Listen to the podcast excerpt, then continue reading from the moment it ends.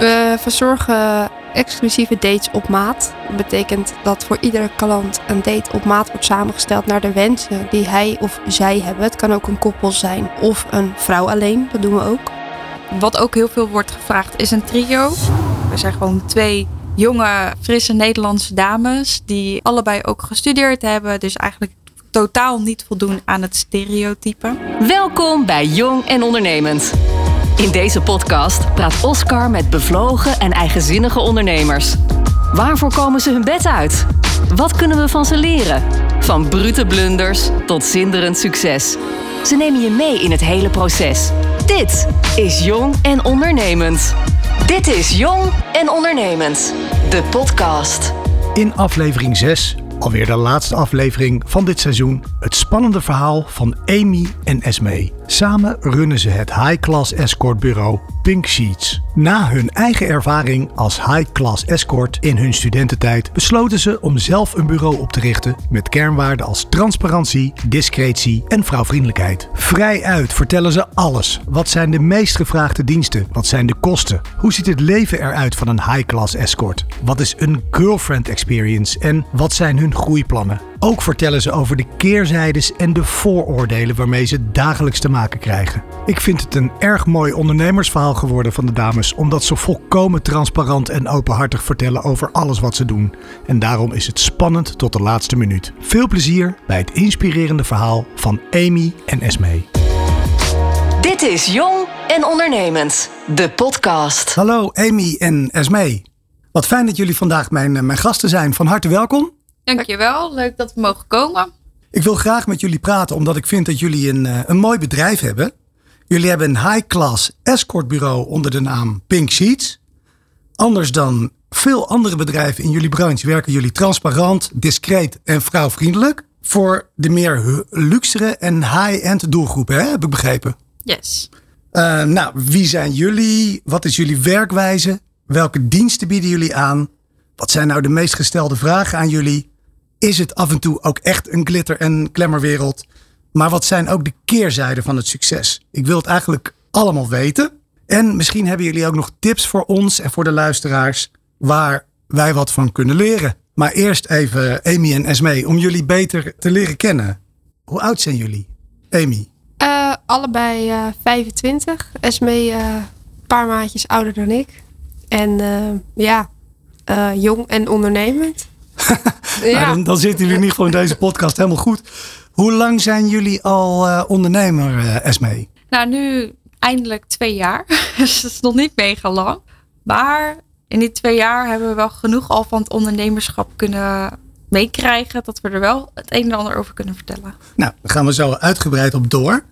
Als neef Ronald op een familiefeest aan jullie vraagt: wat doen jullie eigenlijk voor de kost? Wat, wat zeg je dan? Wat zeggen jullie dan? Ja, ik run samen met Amy een high-class escort bureau. En eh, Gewoon zoals het is. begrijpen ze dan wat jullie doen? Ja. Vragen ze dan door? Nou, wat je ziet is dat mensen dan even van hun apropos zijn. Dus ze moeten even schakelen. Want dat is iets wat ze meestal niet verwachten dat ze dat als antwoord krijgen. Ehm, en als het dan eenmaal even, als het geland is, dan, nou ja, dan zeggen ze, oh, en hoe werkt dat dan? En hoe gaat dat dan? Dan krijg je eigenlijk een soort vragenvuur. Dus ja, je kan er wel rekening mee houden. Als je op een verjaardag zit en je zegt wat je doet, dan, nou ja, dan zit je er nog wel even. Amy, als er uit het niets morgen een miljoen op je rekening staat, wat zou jij er dan mee doen? Ik zou ehm, de helft ervan in mijn bedrijf stoppen, of in ons bedrijf stoppen, om het internationaal uit te breiden. Snel, want dat maakt het natuurlijk makkelijk. Als je geld hebt, kan je sneller vooruit.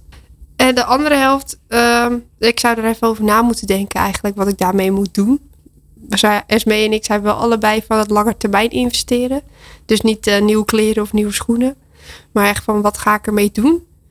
Dat eh, ja, gaan we eerst eventjes, eh, denk ik, een weekje op vakantie. En dan gaan we er even over nadenken. Ik zie Esme wel eh, knikken. Heb jij wel eh, specifiek ook nog andere ideeën? Of sluit jij je helemaal aan bij eh, het antwoord van, eh, van Amy? Ik- ja, ik zeg altijd met geld maak je geld. Dus eh, ja, inderdaad, het lange termijn investeren. Nou, ik denk dat na een week vakantie, dan zijn Amy en ik er wel uit. dan kan Ja, een brainstorm-sessie beginnen. Eh, maar dat wordt waarschijnlijk iets in stenen of iets ons kennende. En inderdaad, het bedrijf internationaal uitbreiden. Want dat is sowieso een grote wens van ons. Als jullie heel oud zijn, over een flink aantal jaar, en je staat allebei aan het eind van je, van je mooie carrière, hoe willen jullie dan worden herinnerd? Ja, dat vind ik altijd heel lastig. Want het duurt gelukkig nog heel lang.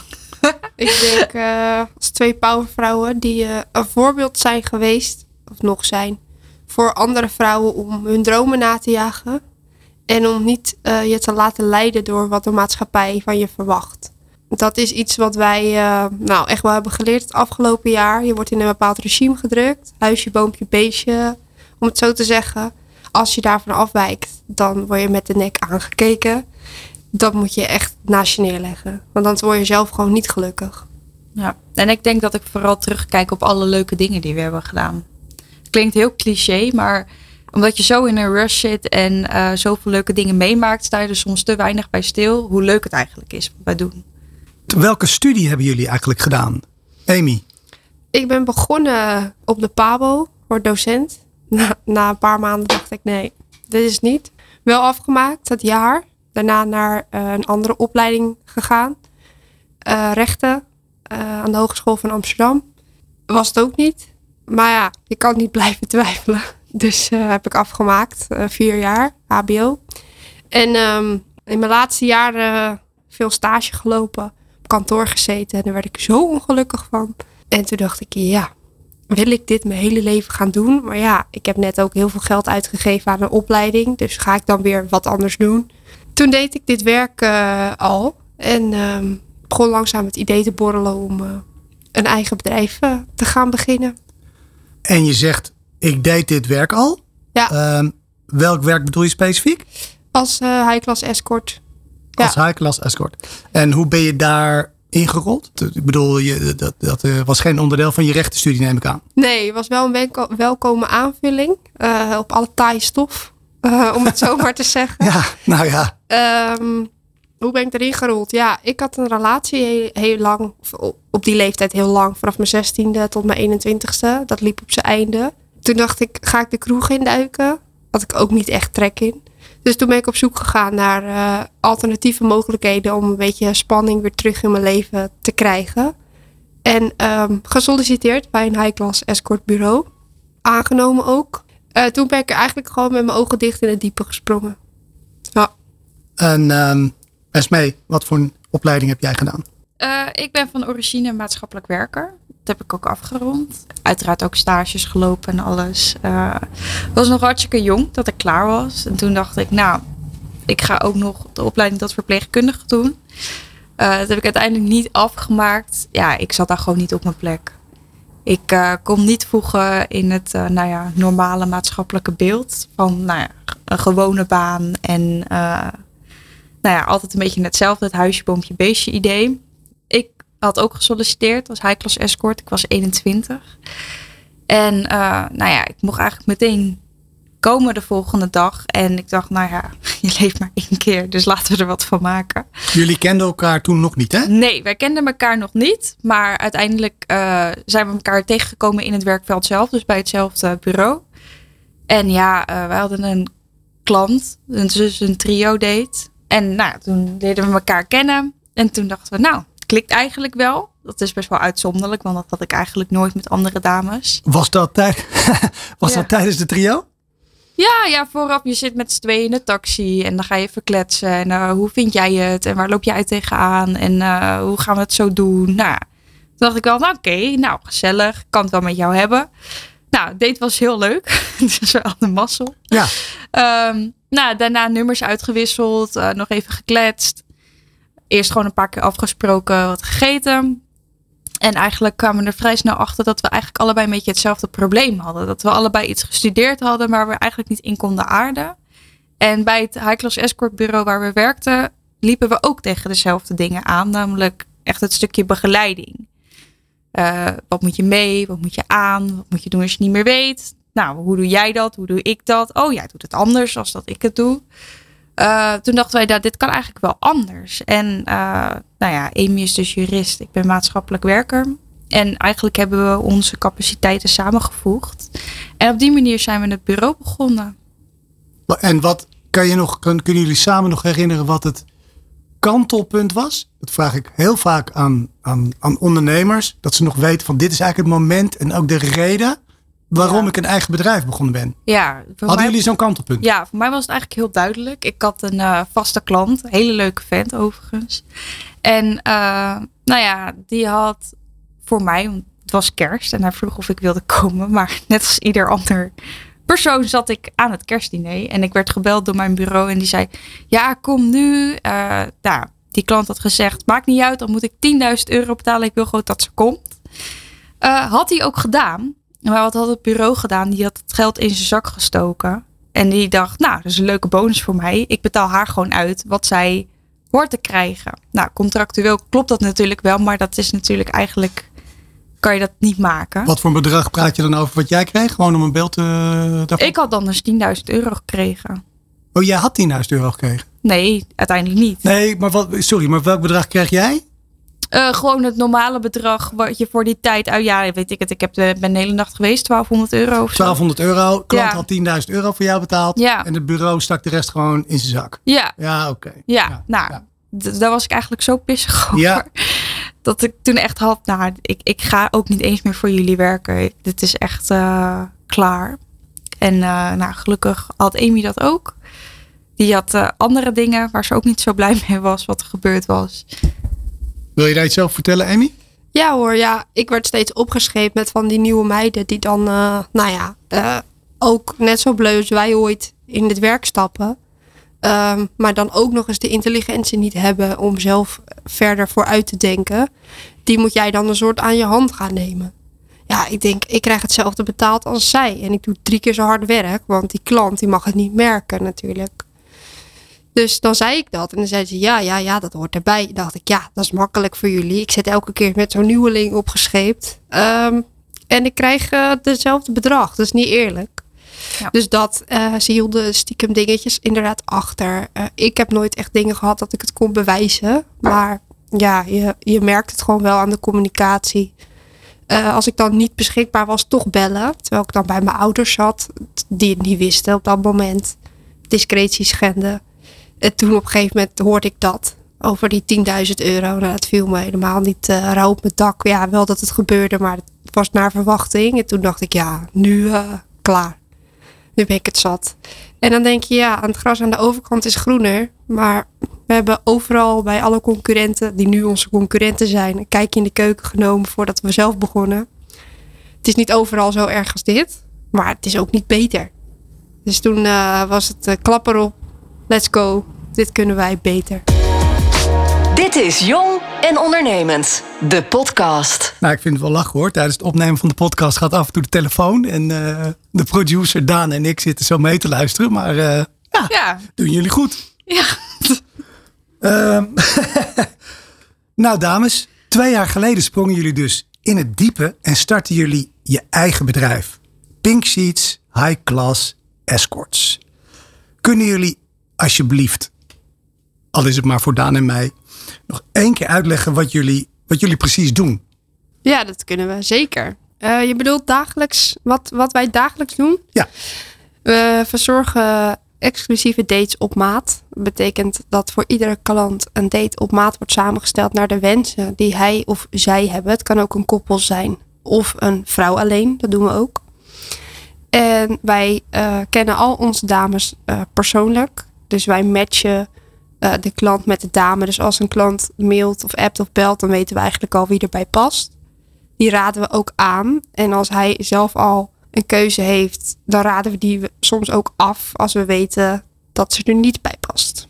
Toch blijft het natuurlijk zijn of hun beslissing. Maar ehm, meestal luisteren ze wel naar eh, ons advies.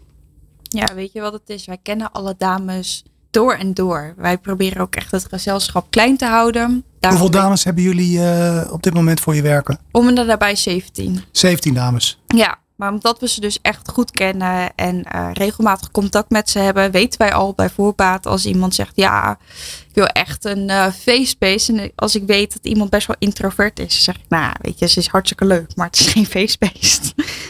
dus dat wordt het dan niet.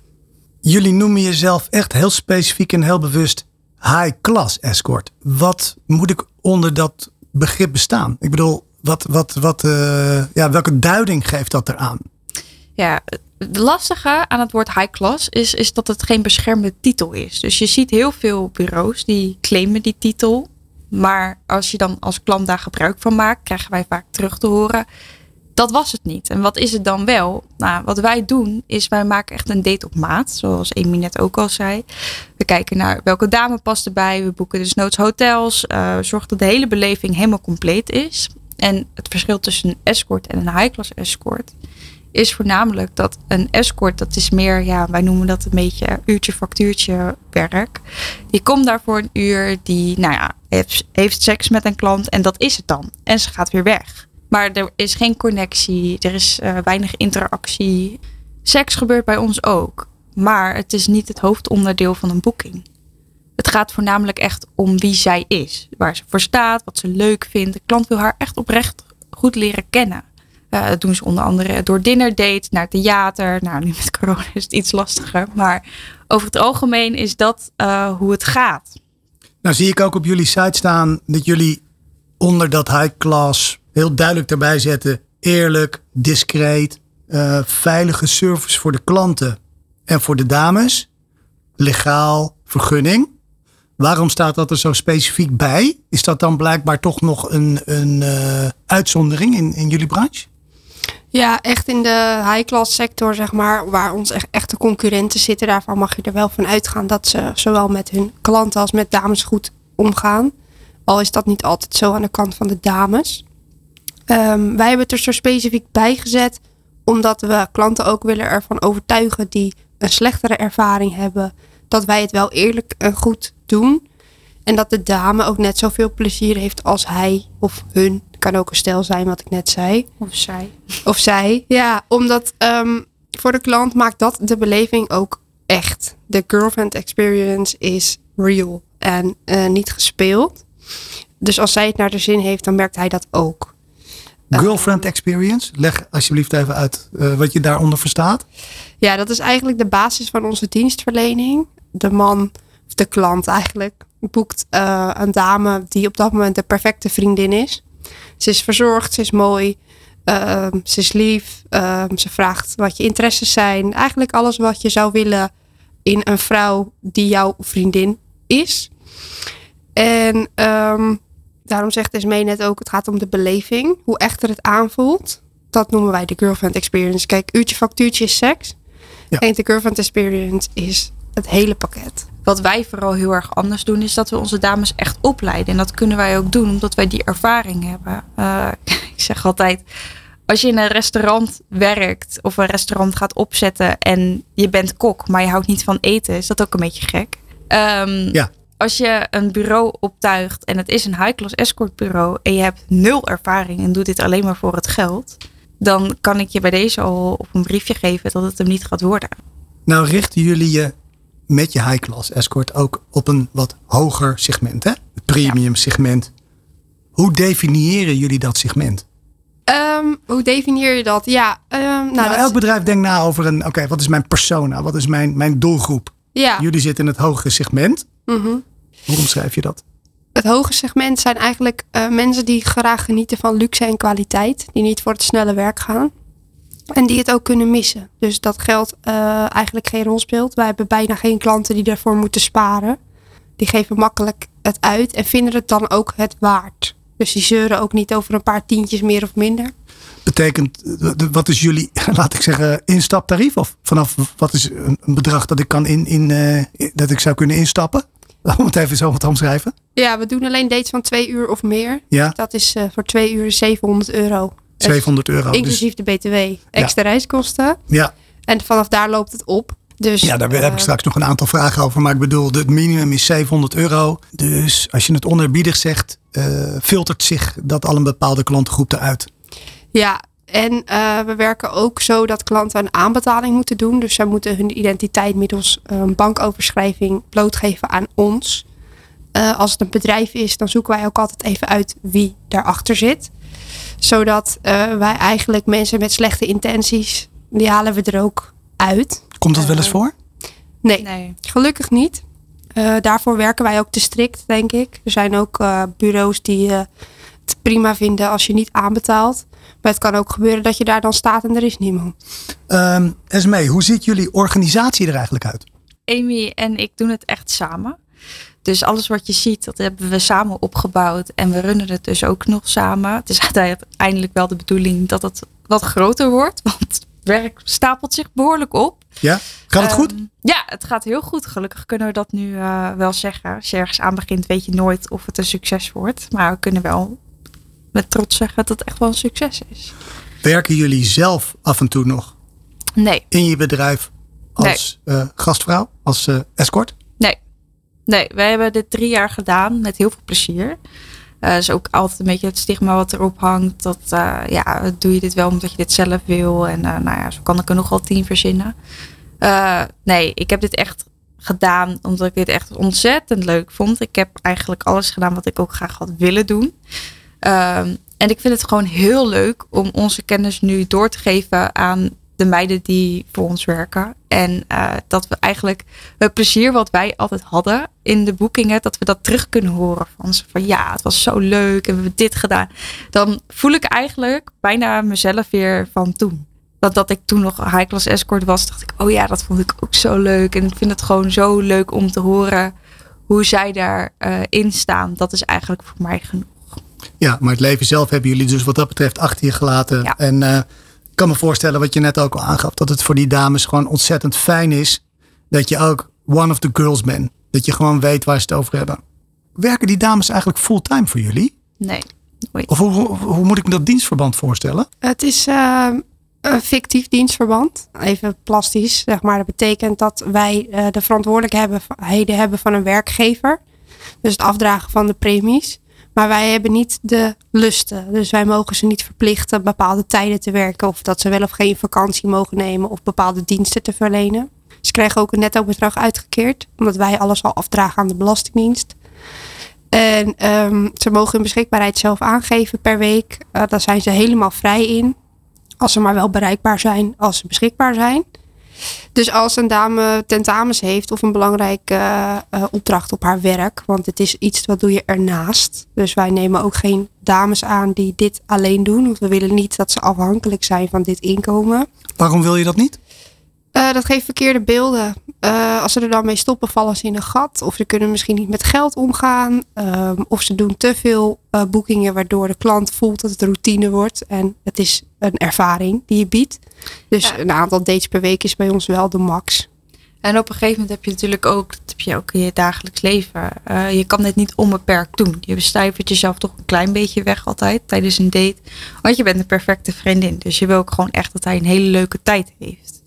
Eh, ja, dat kan je niet fulltime doen. Nee, dat, eh, dat kan ik me voorstellen. Is het ook leeftijdsgebonden? Ja. Ja, Zit er een soort derde, eh, mo- moet je toch echt wel stoppen op je zeventigste? nou ja, het is echt hoe een vrouw zich verzorgt. Ook qua sporten en de lichaamsbouw. De een heeft meer mazzel dan de ander. Kijk, wij nemen vrouwen aan tot 40, 2, 43. Ehm, soms wat ouder als ze er gewoon nog jong uitzien. Wat ik zeg, het hangt af van het uiterlijk. Maar daarna stopt het wel. Want ehm, er zijn toch vaak mannen die eh, ja, willen toch een jonge, strakke vrouw. Dus op, als alles een beetje gaat hangen. eh, als je je mooiste tijd gehad hebt, dan houdt dit werk eh, ook wel op. Ja, zo werkt het helaas wel voor vrouwen. Hebben de 17 dames die bij jullie werken gemiddeld allemaal ongeveer net zoveel klanten? Of zijn er een paar bij die Eh, heel veel dates hebben en een aantal die dat veel minder hebben? Ja, weet je wat het lastige is? Ehm, kijk, ik kijk sowieso ligt er alweer aan hoe vaak ben je beschikbaar. Sommigen hebben zo'n drukke carrière dat ze eigenlijk gewoon, nou ja, misschien één keer in de week een keer tijd hebben. Wat ik ook snap, want dit doen ze daarnaast omdat ze het leuk vinden. Dus dan heb je al minder boekingen dan iemand die vaker beschikbaar is. Eh, daarbij is het ook net op dat moment zeg ik altijd wat in de mode is. Het kan echt zijn dat de ene week heel veel blonde dames worden geboekt en dan die week daarna bijna alleen maar brunettes. Dus wat dat betreft, Is die trend te voorspellen? nee, nee, je weet het eigenlijk nooit. En eh, ja, je merkt wel eens dat de ene dame soms even wat meer aanslaat dan de ander, maar dat kan ook zomaar weer een maand later weer helemaal omgekeerd zijn. Dus wat dat betreft, ja, iemand zijn smaak, ja, het is voor iedereen verschillend. Wat houdt een dame over bijvoorbeeld aan die 700 euro die jullie aan de klant vragen? Of, of eh, willen jullie dat niet delen? Jawel hoor, dat, eh, we zijn daar heel transparant in. Ze krijgt een percentage, dat is 55% van het totale bedrag, minus de BTW. Oké. Dus pak die 700 euro als voorbeeld, dan gaat de BTW vanaf en daar, dat wordt gesplitst. Zij krijgt een netto bedrag en wij krijgen 45% eh, van de date. Eh, daar zijn we ook, het staat in de contracten. Normaliter eh, is het andersom bij andere bedrijven. En dat vonden wij niet oké. Zij verricht toch het harde werk, om het zo maar te zeggen. Dus voor sommige dames die een aantal dates in de week hebben, kan het ook echt een heel ze- zeer lucratieve bijverdienste zijn. Ja, ja. Overigens vraag ik me even af, nu jullie dit zo vertellen. Als iemand al een baan heeft en het zijn high-class dames, dus ze hebben waarschijnlijk ook nog redelijk goede banen, of het zijn studenten. Wat is, is geld dan alleen het drijfveer? De Nee. drijfveer? Nee, want dat is ook niet wat wij willen uitstralen. Wij willen echt dames die dit leuk vinden. En dan bedoel ik het avontuur moeten trekken. eh, dat ze denken, oh, ik wil mijn seksualiteit meer ontplooien. Of ik vind het heel leuk om nieuwe mensen te leren kennen. Dat moet echt je drijfveer zijn. Als je drijfveer alleen geld is, dan ga je het ook niet redden in deze wereld. Dit moet je echt doen omdat je het leuk vindt. Hoe komen jullie eigenlijk aan je, aan je dames die voor jullie werken of willen werken? Eh, wij krijgen heel veel sollicitaties, soms echt wel 50 per week. Wij 50 per week? Ja, het zijn er echt heel veel. En je kan eigenlijk gewoon bij ons op de website solliciteren. Het ja, werkt eigenlijk hetzelfde als met elk ander bureau. Dus we kijken naar je motivatie. eh, Opleiding ook wel. Eh, daarin is er natuurlijk geen opleiding voor een high-class escort. Maar we willen wel een bepaald denkniveau. En dan het liefst HBO-denkniveau. Want ja, onze klanten verwachten ook wel echt wat. En die willen ook echt een goed gesprek met je aangaan. Dus als je een wat hoger denkniveau hebt, is dat beter. Ehm, en dan ga ik eigenlijk een videocall met ze doen. Om haar wat beter te leren kennen. Vragen wat er drijft, wat ze leuk vindt, waarom ze dit leuk vindt. En als ik dan denk, nou, dat past wel bij ons. Dan eh, komt ze op kantoor. En krijgt ze cursus van Amy en mij. Een cursus. Ja, En welke, wat zijn de belangrijkste learnings in de cursus? Ehm, ja, het is een cursus van drie uur, dus eh, we moeten hem even heel eh, beknopt eh, samenvatten. Uiterlijk gedrag, grenzen bewaken, stukje seksuele voorlichting. Hoe doe je bepaalde dingen? Wat vindt een man fijn? Wat doe je bij een koppel? Ehm, en ook een stukje financiële begeleiding. Hoe ga je met geld om? Eh, hoe ga je ermee om als mensen daar vragen over stellen? Dubbel leven. Eh, vragen, tips en tricks. We geven heel veel mee uit onze eigen ervaring. En wat is de meest gestelde vraag door de dames bij jullie in de, in de cursus? Ja, Nou ja. wel, ehm, ja, wel de vraag die we heel vaak krijgen als ze dan thuis zijn. Of in de auto zitten en dan alles even laten bezinken. Van wat voor type klanten hebben jullie? Wat kan ik verwachten? En wat, wat, welk antwoord geef je daar dan op? Eh, dat het allemaal verzorgde en respectvolle klanten zijn. Maar dat we geen uitspraak kunnen doen over eh, het karakter of het uiterlijk of de wensen. Want dat echt per date op maat afhangt van eh, wat hij wil of wat zij willen. Ja. Van die 50 per week die zich aanmelden, hoeveel komen er bij jullie door de, eh, door de, door de selectie slash cursus? Ja, dat is eigenlijk een pijnlijke vraag. Maar het zijn er eigenlijk heel weinig. Het komt ook gewoon, we zijn heel kritisch. Eh, we willen graag de lat heel hoog houden. En als je de lat hoog legt, dan is je selectie ook moeilijk. Ja, van de 50 per week, één. Oké. Ja, Soms twee. Soms twee. Ja, je bent ook niet voor niks een high-class eh, escort. Wat mij te binnen schoot. Als die dames aan het werk zijn, hoe, controle- of hoe is de veiligheid voor die meiden te garanderen? Als dat überhaupt al mogelijk is. Of is Ja. dat een rare vraag? Nee hoor, nee, dat is juist het allerbelangrijkste. Want de veiligheid voor onze dames en het welzijn van onze dames, dat staat altijd op één. Eh wij trekken ze aan de hand van een GPS. Dus als zij op een date gaan, dan eh, delen ze hun GPS-gegevens met ons. Zodat wij ze precies kunnen monitoren. Ook werken wij als een van de weinige bureaus met een eh, SOS-app. Mochten ze echt in gevaar zijn, dat hebben we gelukkig nog nooit hoeven te gebruiken. Dan kunnen ze de SOS-button indrukken. Dan gaat er bij ons echt een alarm af. En dan staat er echt binnen drie minuten politie op de stoep. Dat gaat wel heel snel. En dat is gelukkig dus nog nooit nodig eh, geweest. Nee, nee. Ik zeg dat het ergste wat je kan overkomen is dat je geen klik hebt met je klant. Ja, en wat we ook doen is, ehm, een kwartier voor eh, tijd bellen we ze uit, zo noemen we dat. Ja. Betekent dat we even de wekker zijn van joh, je tijd zit er bijna op. Uh, wil die nog dat je wat langer blijft of ga je zo naar huis? Dus voor ook een controlemomentje van uh, als ze de telefoon niet opneemt, dan gaat bij ons een hele protocol in werking. Dus het is ook een van de dingen waar we altijd echt op hameren in zo'n cursus. Neem op als we bellen. um, ja, als ze gewoon netjes opnemen, dan weten we ook dat alles nog steeds goed gaat. Ik vraag aan elke ondernemer in deze podcast: hoe ziet je ideale klant eruit? Hoe ziet jullie ideale klant eruit? klant, we vinden het heel fijn als iemand weet wat hij wil. Als iemand belt en hij zegt, nou, ik wil een blonde dame en ik wil dat ze dit karakter heeft en ik wil dit gaan doen. Wie moet ik dan hebben? Zeg het maar. En als je dan een dame opnoemt die er dan ook aan voldoet en hij zegt, oké, is goed. En nou ja, het liefst ook gewoon niet moeilijk doet over een aanbetaling of iets. Daar, dan zijn we eigenlijk blij. En natuurlijk ook een klant die ook leuk is voor onze dames. Want we willen natuurlijk ook dat onze dames het naar hun zin hebben. Dus eentje die galant is, respectvol is. Uh, en het ook belangrijk vindt dat zij ook een leuke tijd heeft. Wat ik mij afvroeg, jullie hebben allemaal voor die 17 dames werken. Is er eigenlijk geen markt voor gigalo's, voor mannelijke escorts? Ik weet niet of daar markt voor is. Alleen wij hebben het momenteel zo druk met onze dames. Dat ja, wij kunnen dat er niet bij managen. Oké, okay, dus het is een hele duidelijke keus dat je gespecialiseerd bent. Ja. Ja, bovendien is het uh, verschil tussen man en vrouw uh, hemel en aarde. Dus um, het is gewoon een, uh, ja, je zou er eigenlijk een ander bedrijf voor op moeten richten. En daar, daar willen wij onze handen niet aan branden. we willen ons focussen op hetgeen waar we goed in zijn. Dit is Jong en Ondernemend, de podcast. Oké, okay, dan wil ik graag, daar ben ik natuurlijk heel benieuwd naar, ietsje meer weten over de diensten die jullie aanbieden. En dus wat je nou eigenlijk precies doet en waar vraag naar is. Welke diensten hebben jullie zoal? Ja, wat het meest wordt gevraagd is eigenlijk gewoon de girlfriend experience. Dus zoals Amy net uitlegde, de perfecte vrouw. Um, wat ook heel veel wordt gevraagd is een trio. Dat is natuurlijk eigenlijk ja, een beetje iedereen's fantasie. En dat kan zijn een trio, dus een koppel die een dame boekt. Of een man die uh, twee dames boekt. Um, maar ook gelukkig zien we steeds meer uh, dames die uh, één op één een dame boeken. Dus een ja. dame die een andere dame boekt? Ja, ja. Um, ja, wat ook wordt gevraagd, en dat komt voornamelijk omdat uh, nou ja, er is gewoon seksueel heel veel taboe op heel veel dingen. Um, dus vet is fantasy, dingen waar ze bijvoorbeeld in hun dagelijks leven ja, hun ei niet mee kwijt kunnen. Uh, dat, dat wordt ook veel gevraagd. Ja. En welke diensten zijn er nog meer?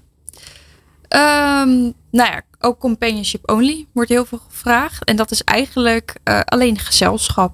En daar komt dus ook geen seks aan te pas. Uh, ongeveer van alle dates is ongeveer 30% companionship only. En wat moet ik me dan... Ja, het, het woord zegt het al, maar...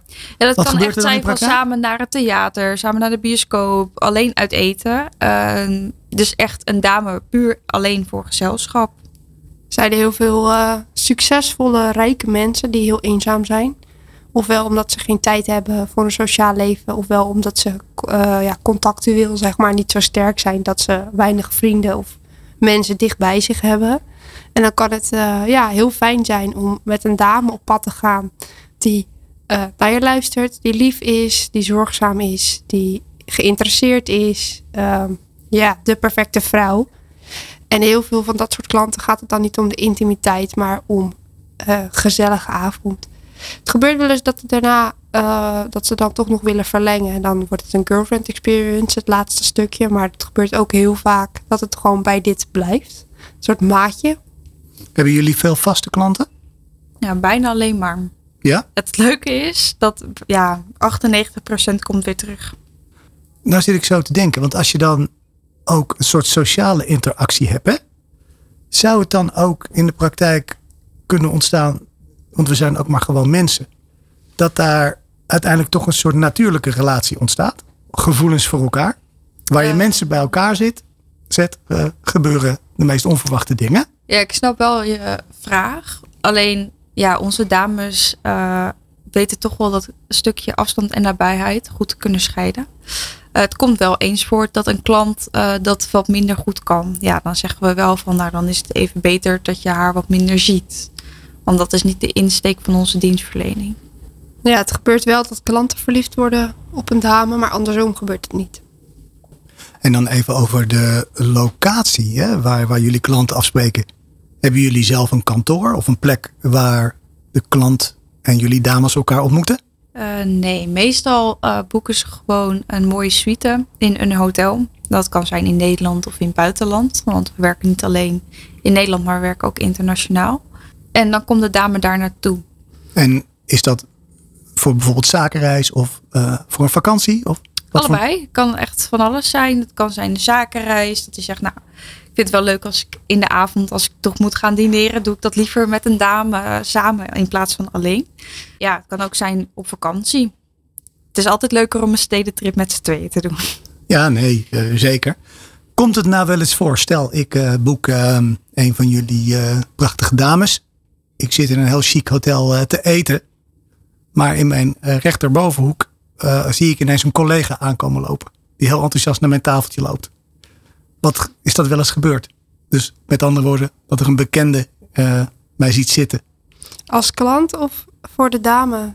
Nou, als in dit geval, uh, nou voor beide eigenlijk. Maar in dit geval zou ik de klant zijn. En ik ken diegene. Mm -hmm. Hoe wordt daar dan mee omgegaan? Ja, klanten... Of, of komt dat, die, die kans zit erin natuurlijk. Ja, de meeste klanten die vinden discretie zo belangrijk dat ze ook niet op een plek afspreken waarvan ze zeggen, daar kan ik misschien een bekende tegenkomen. Dus ja, wij hebben het nog nooit meegemaakt. Zelf, vroeger heb ik het wel een keer meegemaakt dat ik in Amsterdam in een restaurant zat en dat er iemand binnenkwam die ik kende. Nou ben ik daar niet zo snel van onder de indruk. Uh, ik had ook mazzel dat het een man was van in de 40. Want als hij natuurlijk nog veel ouder is, dan ja, voel je je nog meer alsof je het moet verantwoorden ja, kan je zeggen dat je met je opa op stap bent, toch? Ja, maar als um, diegene jouw naam kent. Kijk, die dames werken onder, allemaal onder een andere naam. Dus stel diegene die jij kent komt binnen en die zegt uh, hi en dan uh, mijn echte naam. Ja, dan zegt die klant van, uh, oh, ben, ben, jij dat? Dus daar zit je natuurlijk niet op te wachten. Dus wij regelen het ook altijd zo dat de woonplaats van de dame en zeg maar een straal van 10 kilometer omheen, daar laten we ze niet afspreken. Nee, dus de kans is altijd aanwezig. En als het gebeurt, dan. Uh... Nou, je kan ook altijd nog zeggen: ik ben met een collega. Of uh, het komt nu even ja. niet uit. Of uh, kijk, ook dat komt terug in de cursus wat je dan moet doen. Ja. Um, dit vroeg alleen... ik voor een vriend, hè? De, deze. Ja, dat snap ik. Ja. ja. Ik kan me overal van op de hoogte zijn. Toch? Ja. nee, nee, dat gebeurt eigenlijk nooit. Nee. Kunnen jullie wat verschillende tarieven noemen. Je zei al 700 euro voor twee uur. Stel dat ik twee weken naar het buitenland ga en ik wil een van jullie dames meenemen. Gebeurt, dat gebeurt wel eens, hè? Ja. Wat, betaal, wat zou ik dan betalen? Dan zit je rond de 23.000 euro. 23.000 euro. Extra reiskosten, want de vlucht, uh, taxis, uh, reistijd wordt dan ook betaald. Die komen er nog bij, dus ik denk dat je zo op 27,5 uitkomt voor een uh, reisje van twee. Maar goed, dat maakt dan natuurlijk ook niet meer uit, hè? Als je dat bedrag neer kan leggen. En dan uh, gewoon met de allergoedkoopste uh, Ryanair vlucht naar Egypte in een uh, all-in hotel, hè? Nee, nee, nee, nee. Er zitten wel bepaalde eisen aan. Die staan ook op de website onder internationale boekingen. Vluchten van meer dan zes uur is business of first class. En daaronder is het economy prima. Kijk, het hoeft niet altijd allemaal mega duur te zijn als het maar kwaliteit is. Een hotel moet wel minimaal vier sterren zijn. Ja. Dus en of het dan opzicht... een uh, Van der Valk is in Nederland of een ander hotel is in Italië, dat maakt er niet uit. Maar het moet schoon zijn, netjes, het eten moet goed zijn.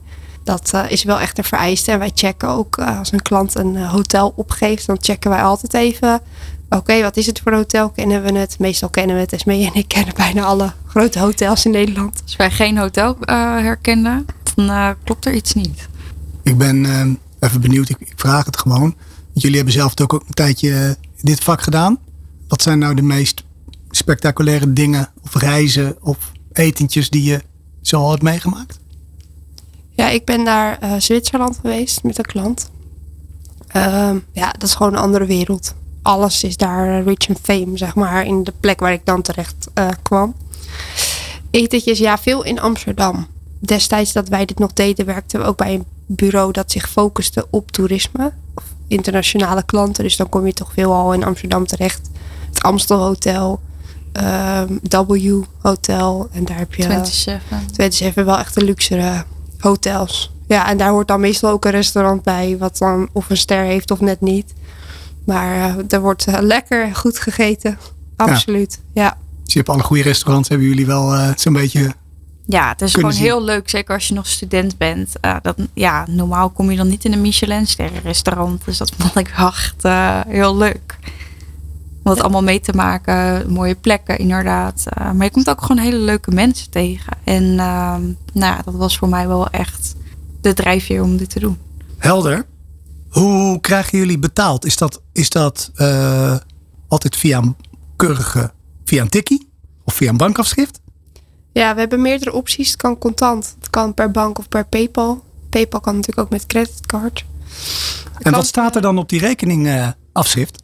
Clear Consultancy BV. Dus we hebben bewust gekozen om de bankrekening eh, een andere handelsnaam te geven, wat wel een handelsnaam is van ons bedrijf. Eh, want Pink Sheets BV, als je dat gaat googelen, of de website gaat googelen, dan kom je natuurlijk gelijk bij ons uit. Wil je het echt vinden, dan vind je het natuurlijk. Dat is het enige wat we kunnen doen. Nieuwe klanten moeten altijd een aanbetaling doen per bank, zodat wij kunnen controleren wie ze zijn. En de volgende keren mag het eventueel gewoon contant. Dus dan zijn ze anoniem. Maar ehm, ja, wij willen gewoon wel weten eh, waar een dame naartoe gaat. Privacy en discretie is in de huidige maatschappij sowieso al een heel actueel onderwerp. Nou, ik kan me voorstellen dat het bij jullie best nog wat belangrijker is. Hè, Stel, ik raak mijn klantenkaart van de, van de etels kwijt. En er komt op straat te liggen. Nou ja, daar kom ik dan nog wel, wel overheen. Maar met jullie database en jullie kennis is het wel handig dat dat inderdaad heel, heel veilig is. Hoe gaan jullie daarmee om? Hoe veilig zijn de datagegevens bij jullie? Ja, onze telefoons, daar zit natuurlijk, eh, en mail, daar zit het meeste in. Eh, gegevens worden, ehm, ik geloof uit mijn hoofd, na 45 dagen verwijderd. In ieder geval uit de mail. En in onze telefoon, ja, die is goed beveiligd. En daar maken we ook eh, vaak een backup van op een laptop die ook goed beveiligd is. ehm, met extra programma's. En eh, niemand heeft de code behalve wij. Dus we proberen er wel zo goed mogelijk mee om te gaan. Als tegenwoordig natuurlijk, eh, ja, ze worden steeds creatiever. Mensen die, ja, dingen van je willen weten. Maar eh, we zijn daar heel, eh, ja, heel erg mee bezig. Laat ook nooit onze telefoon ergens slingeren of dat soort dingen. Nee. Dit is Jong en Ondernemend, de podcast.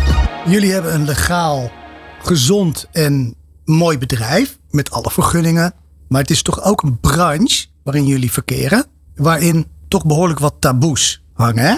Ehm, wat zijn de grootste vooroordelen waar jullie nou mee te maken krijgen in het dagelijks leven? Ehm, nou ja, dat ze het allemaal gedwongen doen. Of de dames dan, zeg maar, die bij ons werken. Of dat allemaal vieze oude mannetjes zijn. Ja. Of dat ze aan de druk zitten. Of nou ja. oh, is dat, dat zijn de vooroordelen? Nou, over het algemeen, als je nou even heel eh, stereotyperend eh, gaat nadenken. Ja, over het algemeen wel. Slechte jeugd gehad. Die meiden. Seksueel misbruik. eh, dat dat de reden is dat ze voor zo'n beroep kiezen. Dat ze eh, weinig intelligentievermogen hebben. Ja, anders dan kies je wel normaal werk uit. Welke dingen zijn jullie nou tegen aangelopen ja, tijdens het opstarten van jullie bedrijf? Waar krijg je mee te maken? Ja, een bank vinden die je bedrijf een rekening wil verlenen. Dat eh, is uiteindelijk na vier maanden. Maar waar, waar liepen jullie tegenaan? Je bent een risicoprofiel, omdat er eh, over het algemeen, dat is dan weer zo'n vooroordeel, eh, er gaat er veel zwart geld in om. Dus eigenlijk willen banken dat niet. Ja. Dus er is één bank in Nederland die het doet. Eh, maar dan maken ze het proces zo traag en lang dat je eigenlijk hoopt dat ze hopen dat je afhaakt. Eh, vergunning. eh, we waren bij een gemeente, daar zijn we gewoon letterlijk weggestuurd. Terwijl het wel gewoon op de website staat dat ze het doen. Maar we zijn weggestuurd. Terwijl ik natuurlijk met mijn achtergrond even, wel even het bestemmingsplan heb gecheckt. Van is er nog ruimte in deze gemeente voor? Zijn er nog meer dingen waar je dan tegenaan bent gelopen? privé bijvoorbeeld een huis kopen, hypotheek. En een lening voor de start van je bedrijf. Die eh, kregen we gewoon bij voorbaat niet, hoe goed ons plan ook was. Dus dat hebben we uit eigen middelen opgetuigd. Achteraf super blij mee, want je hoeft tegen niemand dankjewel te zeggen. Dus jullie kunnen geen hypotheek krijgen, geen lening krijgen. En eigenlijk ben je niet heel erg welkom bij, eh, bij de gemiddelde bank. Hoe hebben jullie toch voor elkaar gekregen om dan je, je bedrijf op te starten? Nou, je zegt al, met, met, eh, met, gewoon met eigen geld. Ja, en creatief zijn. Kijk, ook bijvoorbeeld een kantoorruimte. Ja, als wij hadden gezegd, hi, we willen graag een eh, kantoorruimte huren. We zijn een high-class escortbureau. Nou, dan kan je weer gaan. Dus wij hebben, ehm, ik heb uiteindelijk ervoor gekozen om eh, het bedrijf onder een andere code in de Kamer van Koophandel in te schrijven. Dat is ook gewoon legaal, dat mag. En op het moment dat je dan een uittreksel moet geven aan bijvoorbeeld een makelaar, dan uh, zien ze arbeidsbemiddelingsbureau. Nou, eigenlijk zijn we dat natuurlijk ook. Dus uh, toen was het prima. En nu, achteraf, nu het huurcontract al een tijd loopt, weten ze het. Maar ze zijn er ook niet blij mee. Terwijl we netjes de huur betalen. Ja, en ook nog even bijgezegd hebben dat onze dames, die verlenen geen diensten in het kantoor. Wij doen echt alleen outcalls. En het enige wat wij op kantoor doen zijn administratie, uh, sollicitatiegesprekken en we geven cursussen. Hoe komen jullie aan je klanten? Ja, die komen eigenlijk gewoon naar ons. Dus gewoon via internet. Uh, als high-class escort bureau mag je niet adverteren. Dus ook weer zo. Uh... Dus bijvoorbeeld op de socials mag je niet adverteren. Nee, je mag niet adverteren met boek nu bij Pink Sheets nee. of uh, zoiets. Dat, dat uh, mag niet. Maar als ze uit zichzelf op onze website komen, dan mag het wel. Ja, ze komen gewoon naar ons toe, bellen ons op of vullen een boekingsformulier in. Eigenlijk hoeven we daar niet zoveel voor te doen. Media doet ook een hoop. En het stigma wat erop zit, um, ja, dat halen wij er eigenlijk af door er gewoon heel leuk en gepassioneerd over te vertellen. Um, waardoor ook uh, klanten die misschien af zouden haken omdat ze bang zijn dat ze een klerenkast aan de telefoon krijgen. Of ja, iemand die niet goed omgaat met de vrouwen. Dan zien ze ons en dan denk ze, oh nou. En dan merk je eigenlijk van klanten die nog twijfelden dat dat in één keer verdwenen is. Wat ik, waar ik gewoon respect voor jullie bij heb. zo jong als jullie zijn. En ook ja, gewoon heel cool dat jullie echt transparant zijn over wat jullie doen. Jullie staan vaak met, met uh, artikelen in de media, in kranten, op YouTube, nieuwsitems, op evenementen. Vertellen jullie je verhaal. Ook jullie foto staat daarbij. Waarom hebben jullie gekozen om zo open te zijn? Wat is daar de reden van? Nou moet ik zeggen, we vonden dat allebei wel spannend. Want in Nederland iedereen vindt ergens wat van. En ja, ik mag toch even mijn mening delen. Ja, dat mag. mits het natuurlijk altijd wel gepast en aardig is. Vinden wij heel fijn als dat gebeurt. uh, maar waarom we het juist wel doen, is omdat het ook belangrijk is om eens een ander geluid te horen in de media. En om te laten zien, uh, kijk, we zijn gewoon twee jonge, uh, frisse Nederlandse dames. Die allebei ook gestudeerd hebben. Dus eigenlijk totaal niet voldoen aan het stereotype. En heel veel mensen vinden het heel verfrissend eigenlijk om ons te horen praten en om ons ook te zien. Dus dat is eigenlijk de reden waarom we uiteindelijk toch hebben gekozen om het wel te doen. Ik zei al en een paar keer, jullie zijn ontzettend transparant. Jullie vertelden mij dat jullie namen Amy en Esme niet jullie feitelijke namen ben, zijn waarmee je geboren bent. Ik kan ja. me daar iets bij voorstellen, maar wat is de hoofdreden dat, dat jullie dat, uh, daarvoor gekozen hebben? Ja, er wordt gewoon heel veel op ons gegoogeld. Mensen willen gewoon heel graag weten wie wij zijn. En uh, nou ja, het kleine stukje privéleven dat wij nog hebben, dat proberen wij toch wel een beetje af te bakenen. Um, vandaar de, ook onze stage nemen. Eigenlijk logisch. Wat zijn eigenlijk jullie werkuren? Ja, nou, de uren dat je bijvoorbeeld bereikbaar moet zijn. 24-7. Ja. ja, is dat 24-7? Nee, van uh, 11 tot uh, 11 uur s ochtends. Tot, dan zijn we open hè, ja. voor het maken van een boeking. Tot 12 uur s avonds. Maar dates lopen gewoon door. Als ze voor die tijd geboekt zijn. Voor 12 uur s avonds. Dan lopen ze door. Dus dan bellen we ze uit. Wat we net al zeiden. En hoe laat dat ook is. Dat, dat maakt niet uit. Dus wat zijn onze werktijden? Nou, dat is echt uh, niet, uh, niet in één woord samen te vatten. Nee. Hebben jullie ook te maken met seizoenen of momenten waarop het heel druk is en waarop het minder druk is? Zoals in veel andere branches? Um, kindervakanties zijn voor ons uh, ja, een beetje leidend. Uh, dat veel klanten uh, ja, een relatie hebben of, en of kinderen. En ehm, als dan de vrouw thuis is, dan eh, gebeurt er niks.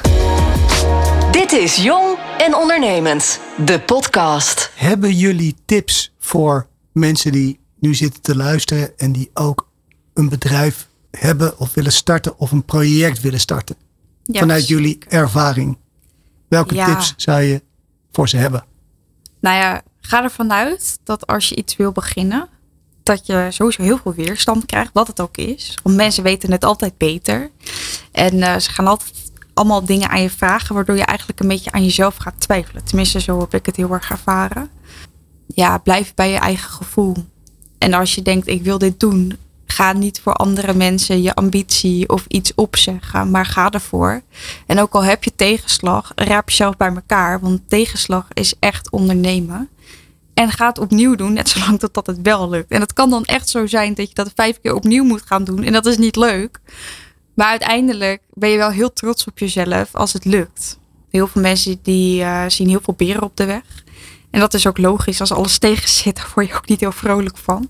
Nee. Maar het is ook als ondernemer de kunst om elke keer creatief te zijn, opnieuw na te denken, opnieuw naar die tekentafel te gaan en opnieuw te gaan kijken, oké, dit is niet gelukt, hoe kunnen we het ofwel laten slagen of gaan we het nog een keer proberen.